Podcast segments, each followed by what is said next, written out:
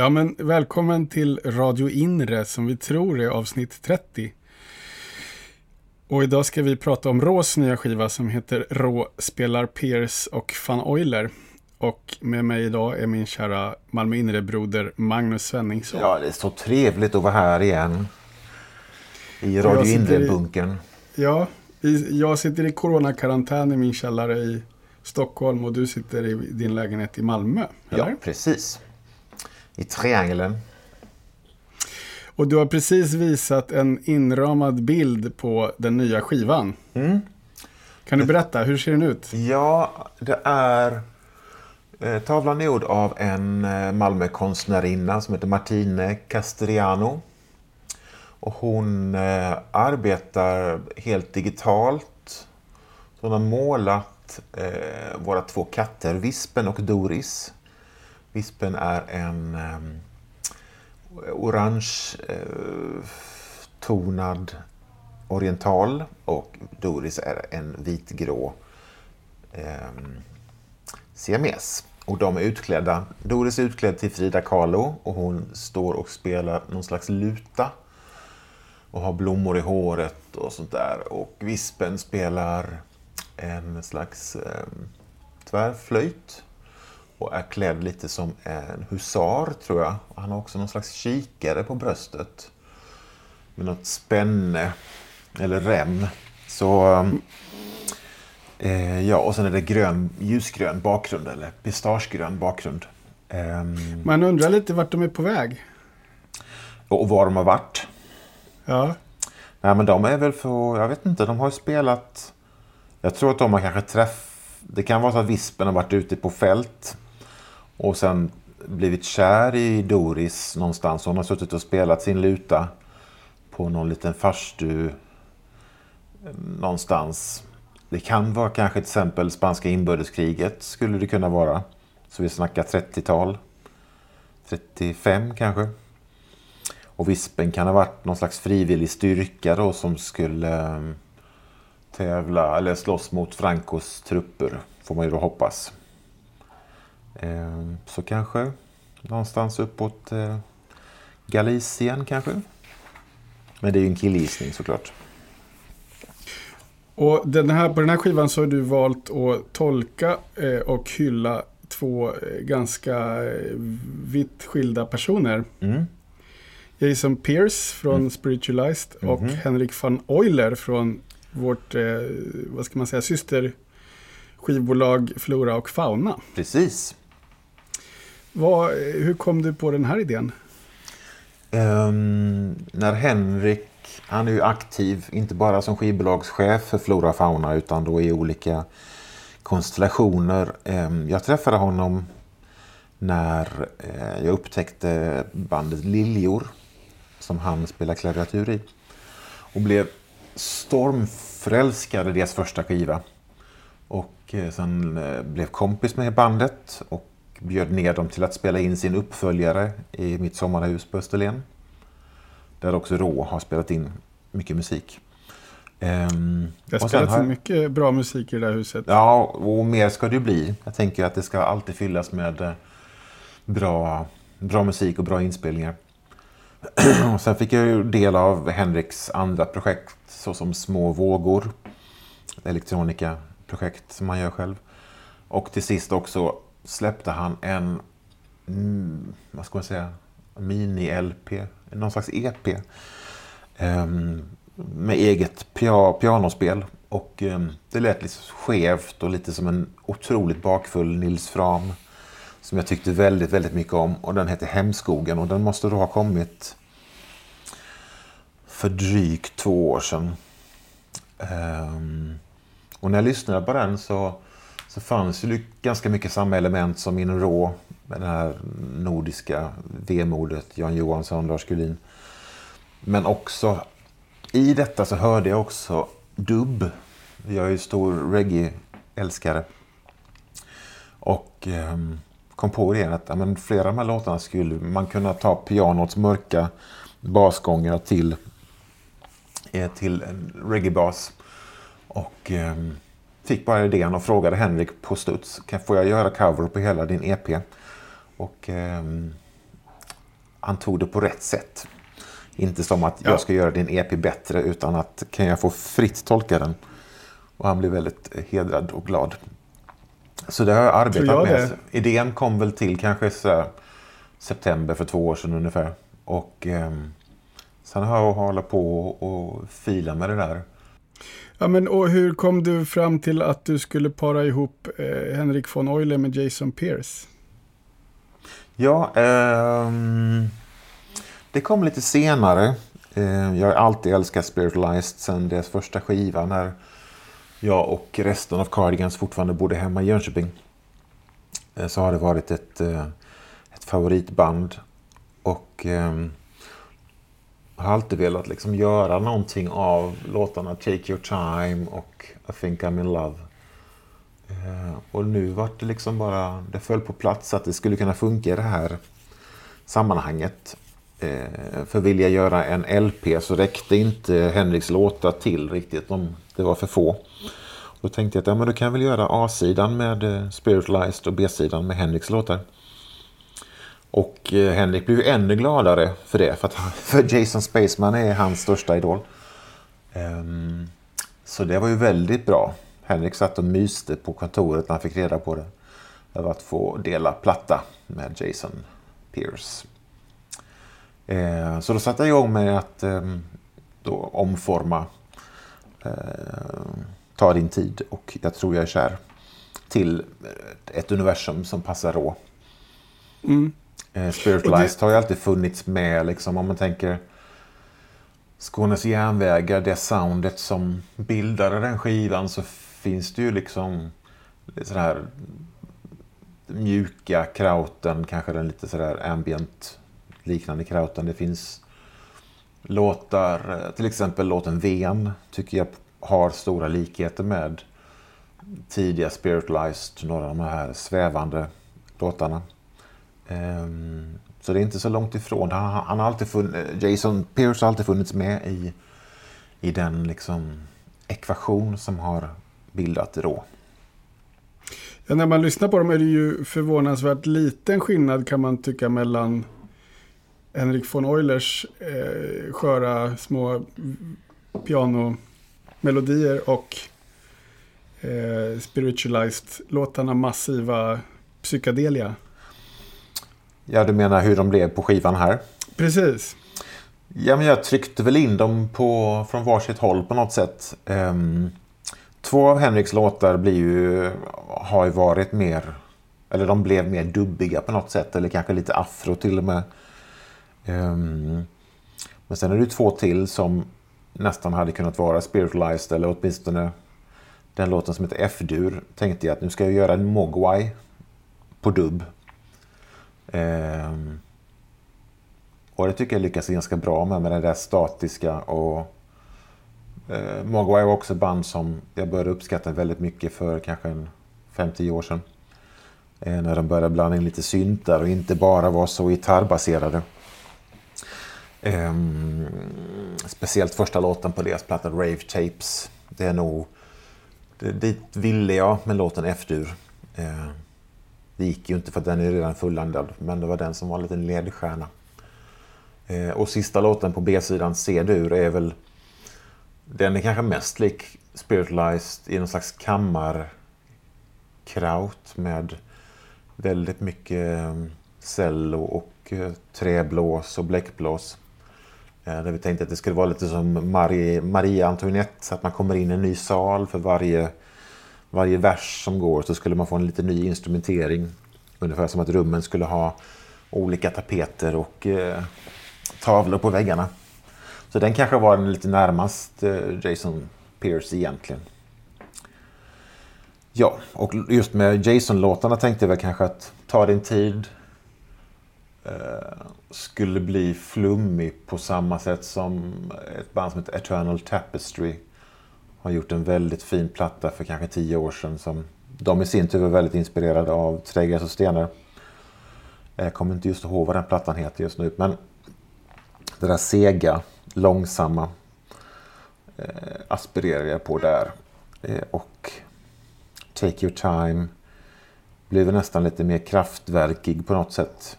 köra bil snabbt ut med armbågen och eh, känna sig lite tuff. Va, hur funkar, tänker du ofta så när du skapar musik att du liksom har olika vad ska man säga, referensidéer som du leker med och bollar och blandar? Och...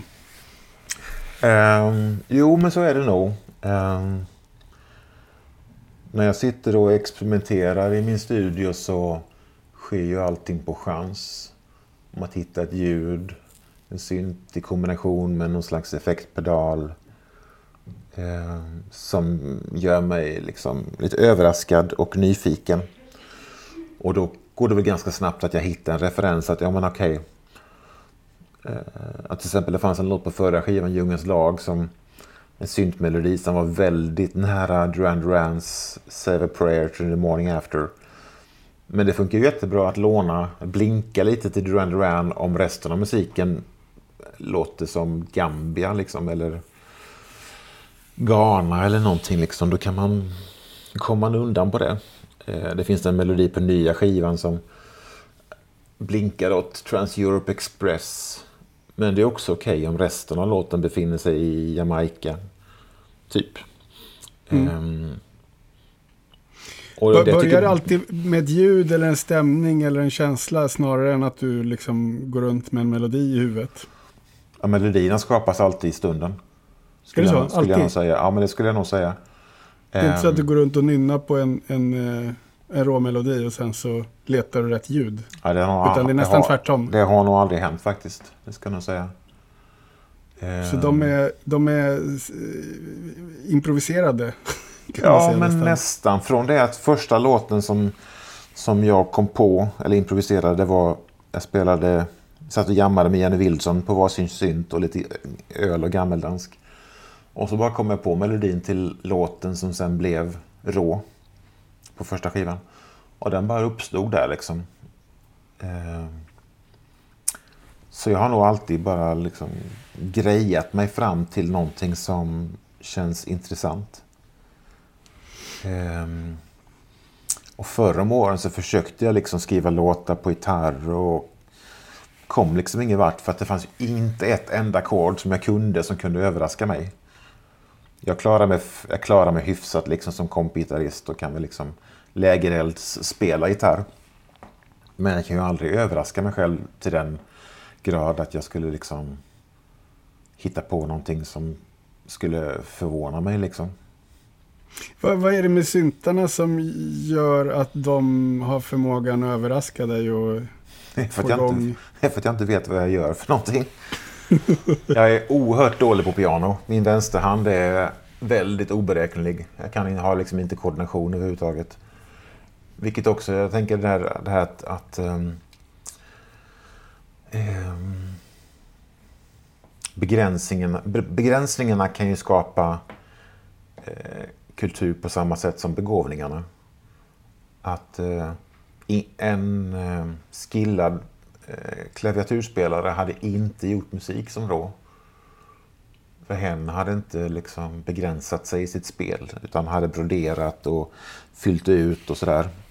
Jag tänker att Rå bygger mycket mer på, ja, men lite som reggae, att flera personer spelar små snuttar som tillsammans bildar en, eh, ett otäckt ord, men mosaik. Och kanske spelar rytm också tillsammans. Ehm, så en enkel, kanske till och med ett, en ton på en synt med rätt ljud, med rätt pedal eh, kan mycket väl ehm, starta en låt. Så var det ehm, så jag har det väldigt ofta varit. Att jag kanske byggt en drone först eller någon slags arpeggio. Eh, eller delay pattern och sen skapat en låt av det. Det skulle jag säga är nästan det vanligaste sättet att göra musik på. Men du, för du började ju rå efter 20 års turnerande med Cardigans. Mm. Och där du också hade skrivit texter till de första skivorna. Ehm, och ni, ni var ju... Eh, ja, men ni gjorde ju en kometkarriär och jobbade stenhårt i ja, men typ två decennier kan man säga. Mm. var, var liksom... Eh, hur kom det sig att man efter det går in i en instrumental eh, liksom syntvärld? Eh, var det liksom en, är det någon sorts motreaktion eller en... Eh... Ja, men till början med tror jag liksom, jag tror väldigt hårt på det här att alltså, kroppen byter ut alla sina celler under sju år. Så att jag var ju inte samma person som när vi eh, var som mest aktiva eller ens när vi liksom lade bandet på is 2007. Eh, jag var inte ens inte samma person sen vi började turnera igen 2012, då utan Peter i och för sig. Inte ens det är jag samma person som.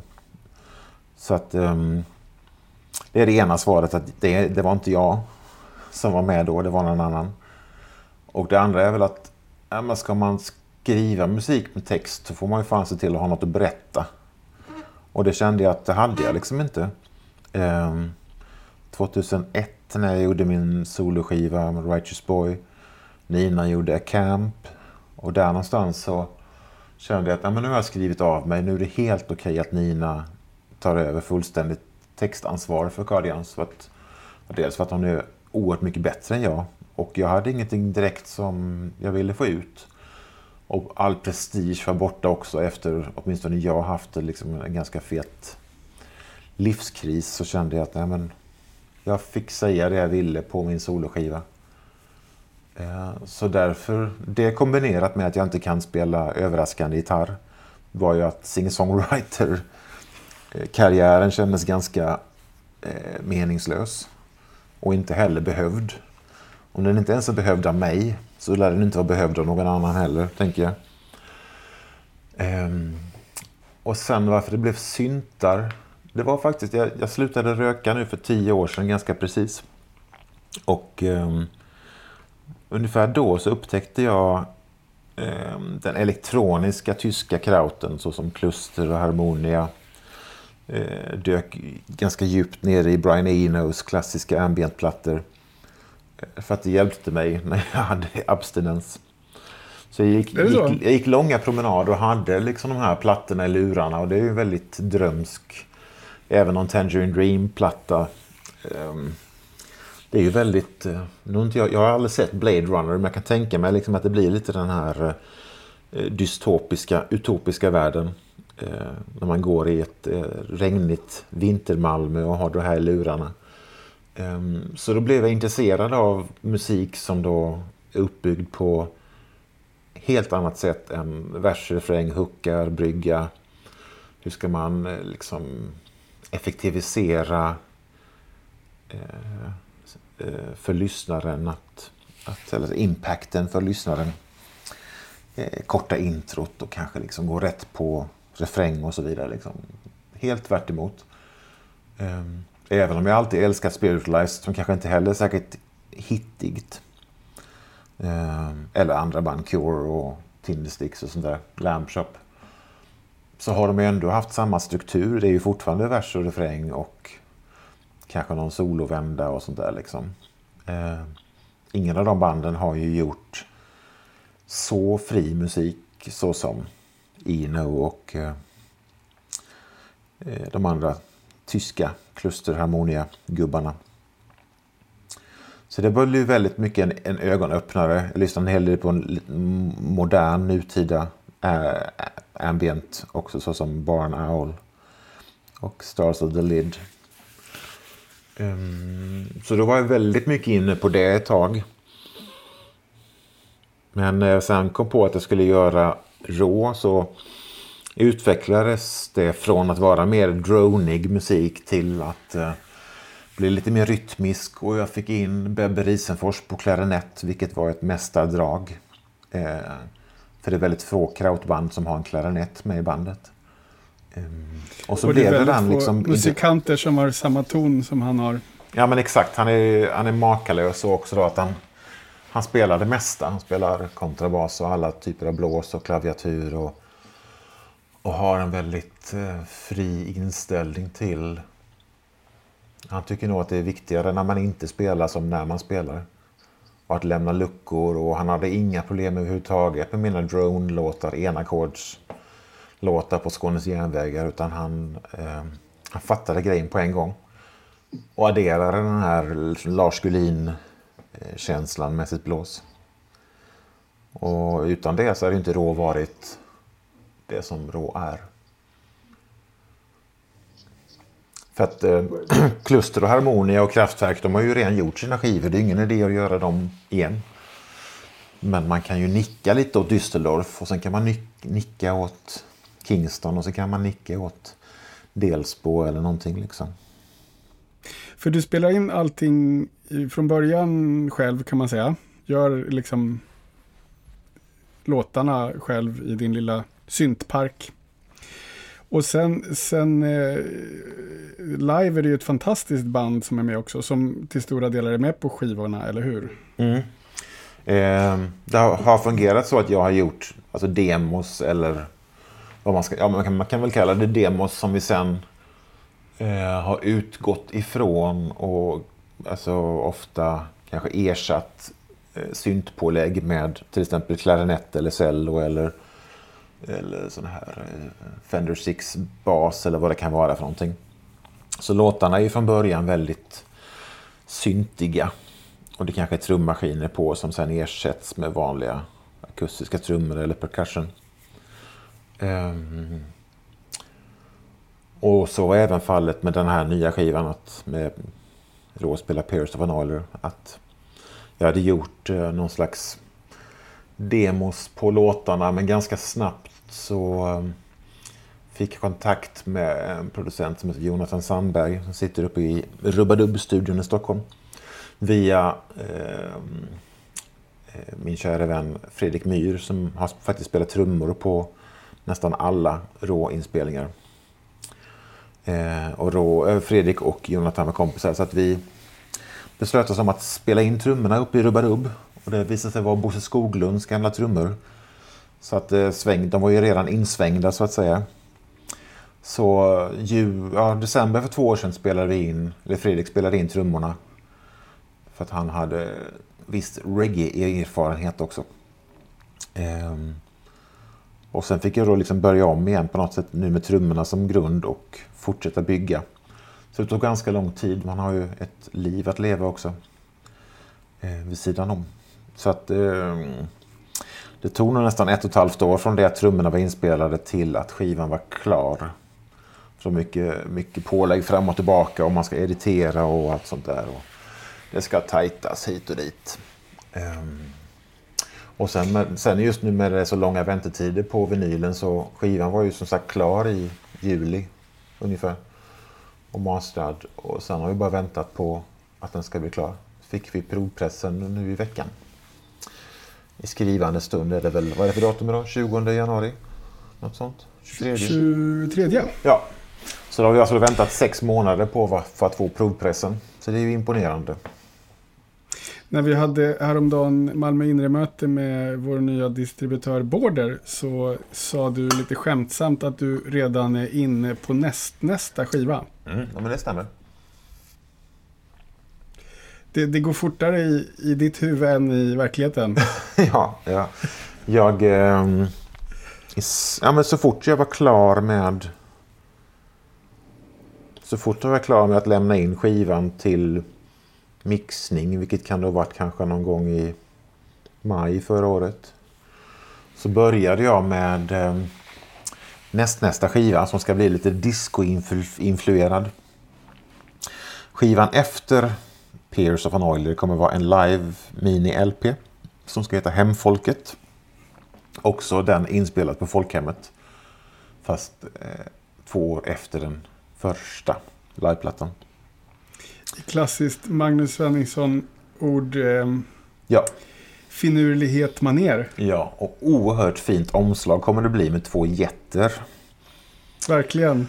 Också den av Martine Castellano. Eh, som återkopplar lite till Djungelns lag men samtidigt använder bildspråket från henne och från då nya skivan. Eh, men efter liveplattan så kommer det då en ny eh, studio rå med eget, egenskrivet material. Jag tänker att jag gillar den här grejen att man släpp, att först släpper en, en studioskiva Och sen kan det komma en coverskiva och sen kan det komma en liveskiva. Eller någon remix-grej. Och sen börjar man om igen så att det blir liksom ett... ett eh, eh, precis som man i, i trädgårdsvärlden har odlingscykler. För att inte få in eh, kolsjuka eller potatismögel. Så ska man byta plats på grödorna hela tiden i trädgården och gå runt. Så rå är lite så här makrobiotiskt på samma sätt att vi att ehm, eh, för att slippa liksom hitta på ny, nytt hela tiden så kan man faktiskt trycka in en live-skiva eller man kan trycka in en cover-skiva emellan och köpa sig lite tid. Men nästa rå, nästa studierå är definitivt redan på gång och jag hade nog gärna spelat in trummor för länge sedan men jag fick hia mig lite för att jag var tvungen att och, eh, släppa den här först och släppa hemfolket också. Så jag är lite otålig av mig. Vad, törs man hoppas på några råspelningar? Ja, nu i vår har vi åtminstone Älmhult och Lund inbokat i början på mars, 4 och 5. Göteborg ska vi sätta ehm, eh, på en lokal som heter Skeppet som är uppe vid Stigbergsliden. Vi är alltid välkomna tillbaka till Bagis i Stockholm, det är trevligt.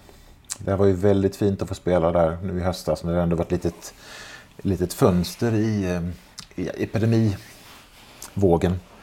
Eh, även spela Uppsala var väldigt trevligt på Konstmuseet. Så det känns som att vi, vi verkligen fick möjlighet nu i höst att spela av oss och visa lite vad vi går för. Eh, och det var ganska gott om magiska stunder när bandet verkligen liksom lirar. Det är numera sex stycken personer och lirar inte heller efter clicktrack längre utan nu är det liksom friare. Eh, partier kan förlängas. Och ja, men det, vi, vi börjar nå den, den vi börjar nå den nivån där liksom vi, vi har ju ett, såklart ett någon slags partitur att spela efter. Åtminstone de som läser noter. Men att eh, det kan förlängas och man kan ta ut lite svängar och man hänger med på det för att vi vet att det finns en speciell cue som gör att vi ska ta oss vidare in till nästa parti. Och det är oftast Kristin Oman som vet när det kommer att ske. För det är hon som, har, det är, hon som är sekreterare i bandet live. Um, så det är väldigt, väldigt kul. Jag önskar att vi kunde spela mer men coronan är ju som coronan är. Det vore väldigt kul att få spela mer i, i vår och i sommar, verkligen när det öppnar upp. Vi ska, förresten, vi ska spela i Hammenhög på garaget i juli också. Det är bokat och klart. Jag hoppas på att det blir mer. Eh, om du skulle välja någon låt från eh, den här kommande nya skivan som mest sammanfattar eh, skivan, vilken skulle du välja då? Ja, men jag kan väl av en slump så blir det nu att låten som heter D-moll, en av Henrik von Eulers låtar, har gjorts video till och kommer bli, bli första singeln. Just för att vi har en video till den.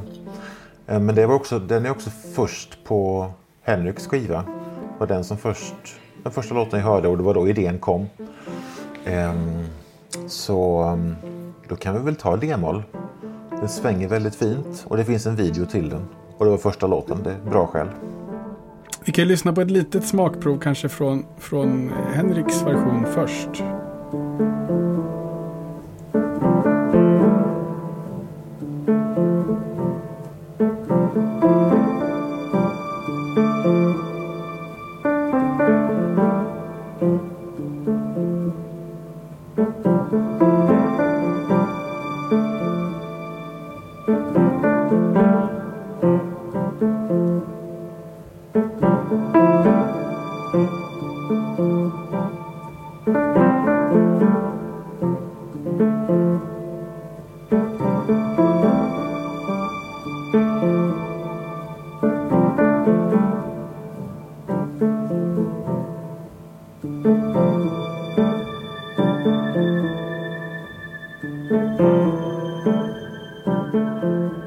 Största beröm jag skulle kunna få är att någon först lyssnar på Henriks grejer och sen på mina grejer och tänker så här, hur fan blev det där till? Hur tänkte han? Riktigt snedtänkt. Um, men det är väl det som är fint med fria tolkningar. Liksom att man får ta ut låtarna ut i universum bara man tar hand om dem liksom, och ser till att de kommer hem till jorden igen. Så um, absolut,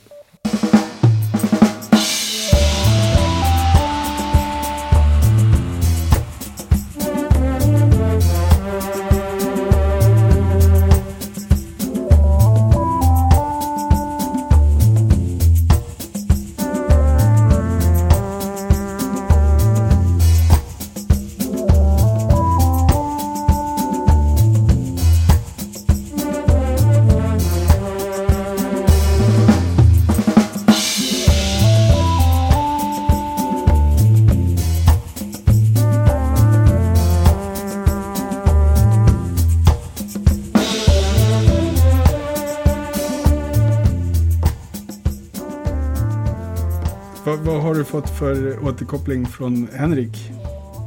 Ja, han är jätte... Har han hört det? Ja, han har definitivt hört det och han är liksom väldigt, ända sedan början väldigt hedrad och glad över att någon är så tokig så att man gör en cover på en hel EP.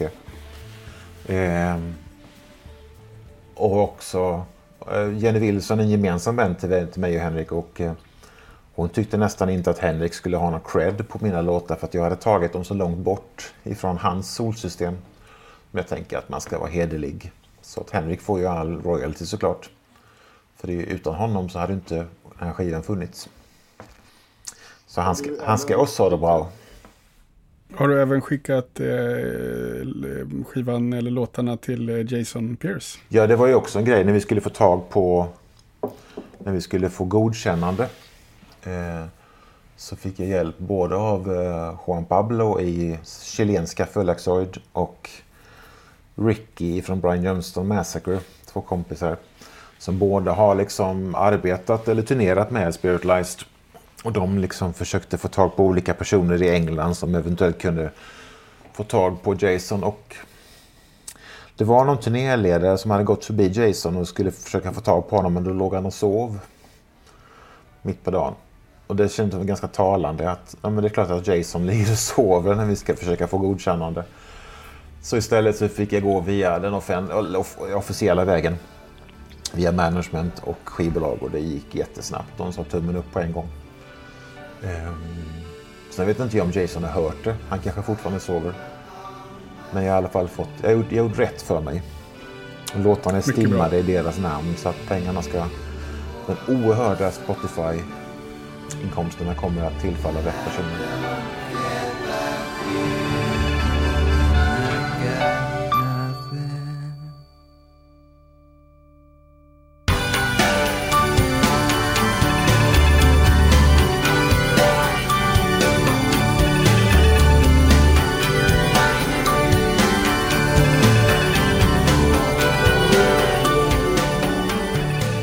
Think I'm in Love, Spirit Lies låt som ligger på Ladies and Gentlemen We're Floating in Space.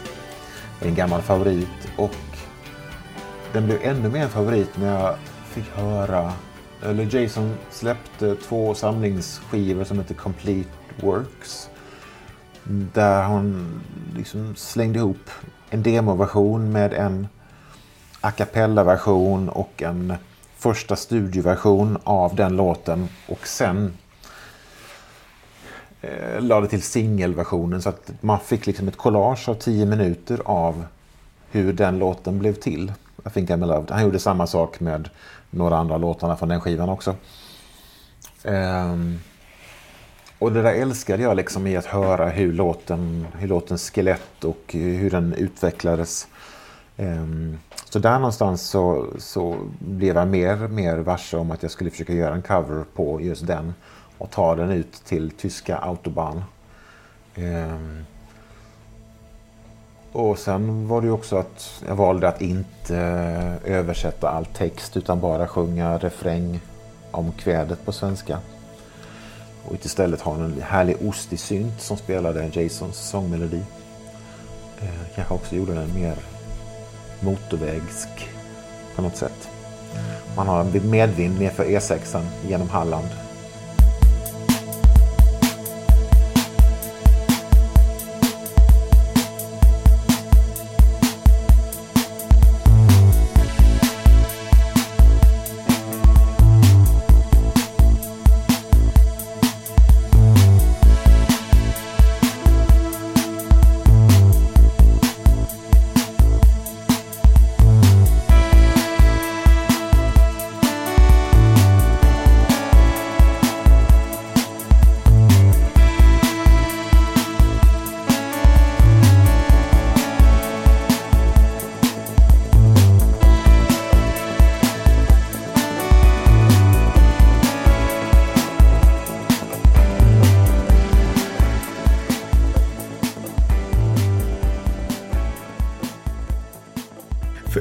Förutom eh, den kommande då live-skivan och den framtida disco-skivan.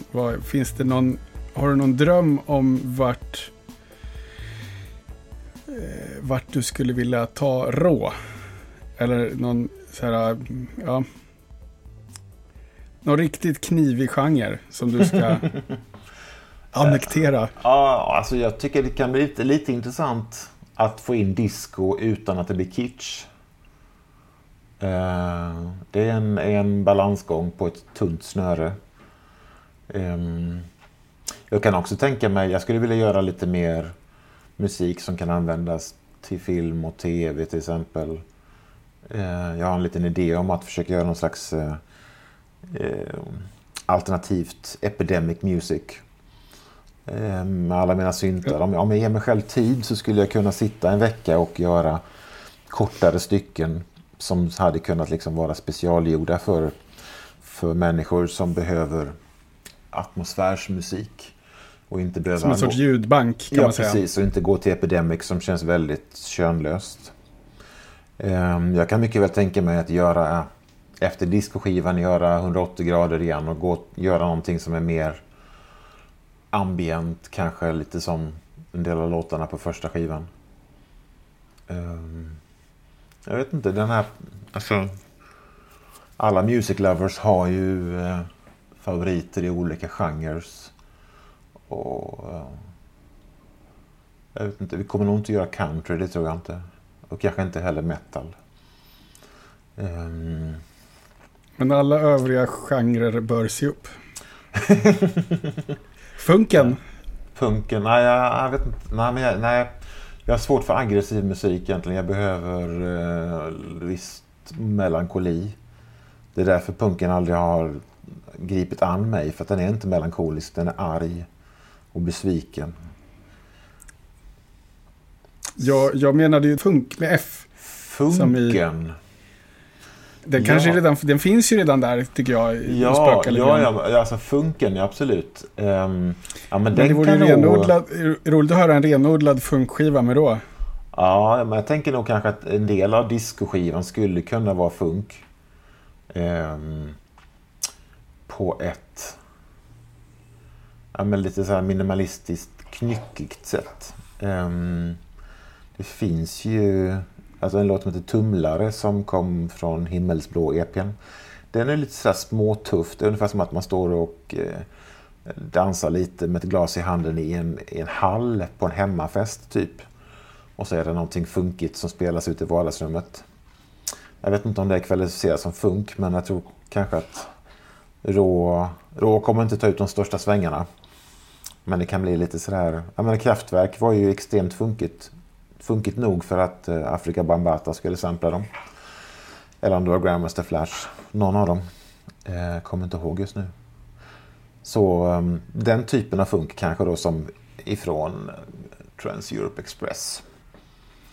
Kryddat med lite annan, med annat mög. Den tyska funken. Den tyska funken och så kanske det kommer in någon karibisk gitarr och en kalabass ifrån Ekvatorialguinea.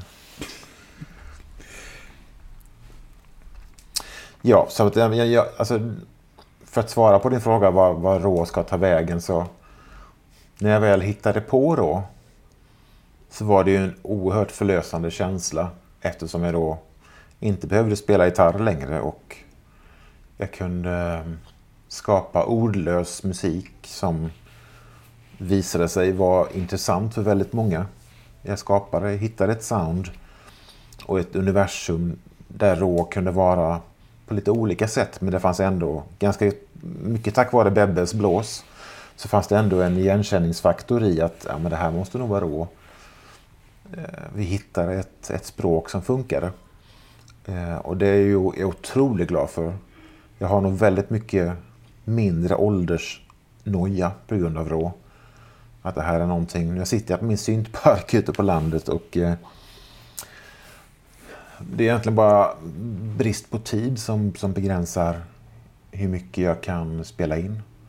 Och sen såklart att det ska bli bra också men, men eh, jag är oerhört glad för det universum som, som rå är. Och det får jag tacka mig själv för det är jag som har hittat på det. Men jag har ju väldigt fina kamrater som hjälper mig till att, att mejsla fram fina plattor. Ja, det är jag, jag är personligen väldigt glad för det och eh, hela Malmö inre också. Ja, absolut. Det är ett eh, fint, väldigt fin värld du har byggt upp. Ja, men det, jag, jag. jag, är faktiskt väldigt, väldigt stolt över det. Och väldigt glad över att ha ändå överlevt musikbranschen på något sätt. Och, eh, och det gäller ju mina bandkamrater också, Bengt och Lasse såklart.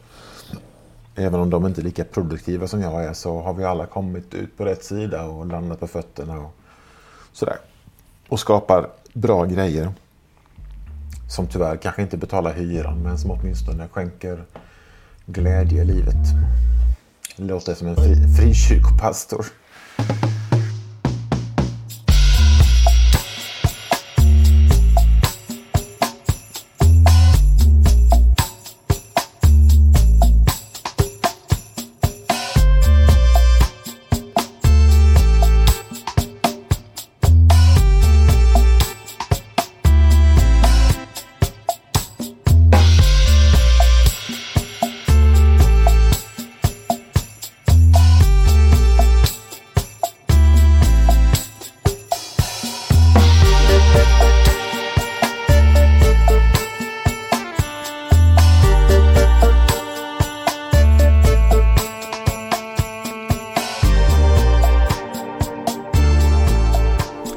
Det där var låten G-moll från din nya råskiva. Men en annan sak jag tänkt på är att det verkar finnas en ganska fin balans i rå mellan eh, soloprojekt och band. Stämmer det? du får fråga vad de andra i bandet tycker. Ja. um, jag kan nog tänka mig att, att uh, alltså det finns fortfarande ganska stort mått av frihet när man gör sina, när Bebbe kommer och gör sina blåspålägg. Att det är långt ifrån alltid som det finns en tydlig idé. Det kanske finns en vision om att i den här världen vill vi befinna oss eller du kan tänka på den här låten. Eh, men jag skriver ju själv inte noter så jag kan ju inte skriva ut några partitur till Bebbe. Eh, så den friheten finns ju alltid och, blir vi då, fortsätter vara ett, ett lirande liveband så tror jag att den friheten, eller känslan av, av medbestämmande och allt sånt där Kanske kommer vi göra mer musik tillsammans där, där liksom eh, upp, upphovsmannaskapet är delat. Det är mycket möjligt. Att vi gör mer sessions där vi hittar på. Vi får se. Det kanske blir en jazzigare, friare känsla. Utan att det för den skull ska bli jazz, för det vill jag verkligen inte. Inga sådana jävla kvidderitt eh, sitter där och småblåsa hela tiden. Det ska vara ordning och reda. Ordning och reda ska det vara. Tysk disciplin. Ty Machtfrei, men det blir lite fel klang i det kanske. Spelen Machtfrei. Ja, så det är det jag hoppas med då. En lång härlig karriär där vi kan få odla skägg tillsammans och eh, spela musik. I vår lilla egen, egen lilla nisch i musikvärlden. Och så hoppas jag, på kort, som... jag hoppas på kortare produktionstider också för vinyler. Det känns som en väldigt fin slutpunkt tycker jag. Ja.